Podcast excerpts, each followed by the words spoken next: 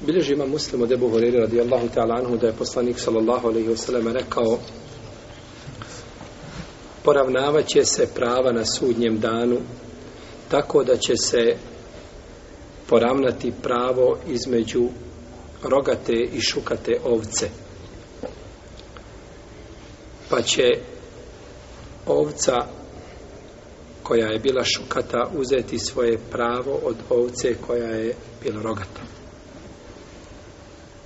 Dakle, na sudnjem danu uzvišeni Allah te barake o teala neće ostaviti prava, hakove, a da ih neće poravnati. Pa čak kada su u pitanju životinje dželakumunije. Pa šta mislite onda kada su u pitanju ljudi koji su zaduženi šarijatskim propisima i koji su zaduženi i koji imaju razum i mogu svatati šta im je dozvoljeno, a šta im je zabranjeno wal wazn yawma idhin al haqq i toga dana vaga će biti na istini postavljena kada će se znači vagati ljudska djela bilo da je u njegovu korist ili da je protiv njega pa je došlo u hadisu Ebu Horeire da je poslanik sallallahu alaihi sallam rekao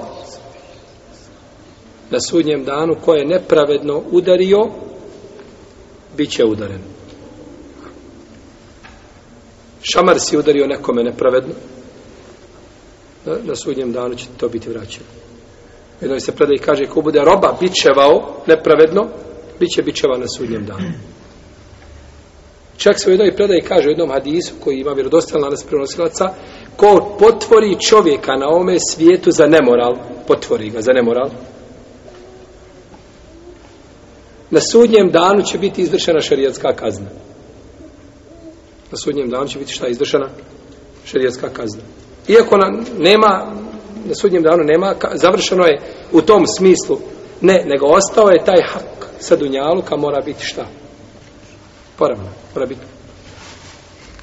I zato je ispravno više njehlu sunneta da neće samo ljudi i džini biti proživljeni.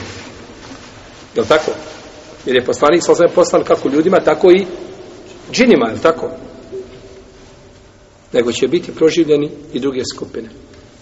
Što su zane, zane, zanegirali određeni, jeli, određene skupine, što je neispravno. Biće proživljeni. Pa će onda uzvišeni Allah pretvoriti u prašinu. Pa toga će dana kazati kjafir, ja lejte ni kuntu turaba. Kamo sreće da sam crna zemlja ostao. Da je nestao. Pa će prava, znači, biti vraćena njihovim vlasnicima. Zato uzvišen Allah tebara tebara kaže inna Allah je moru komentu edu lemanati ila ehle a hakem to bejne nas jen tahkumu bil adn Allah vam naređuje da povjerene stvari vratite njihovim vlasnicima vrati i ovdje na Dunjalku ili prije Ahireta jer tamo će tamo će biti znači to vraćanje u jednoj drugačijoj formi u drugačijem obliku kada će čovjek vraćati protovrijednost u dobrim dijelima a to neće ići njemu nikako prilogu Molim Allah te barak htjela da nas proživi društvo bogobojazni i da nas uvede u džennet bez polaganja računa.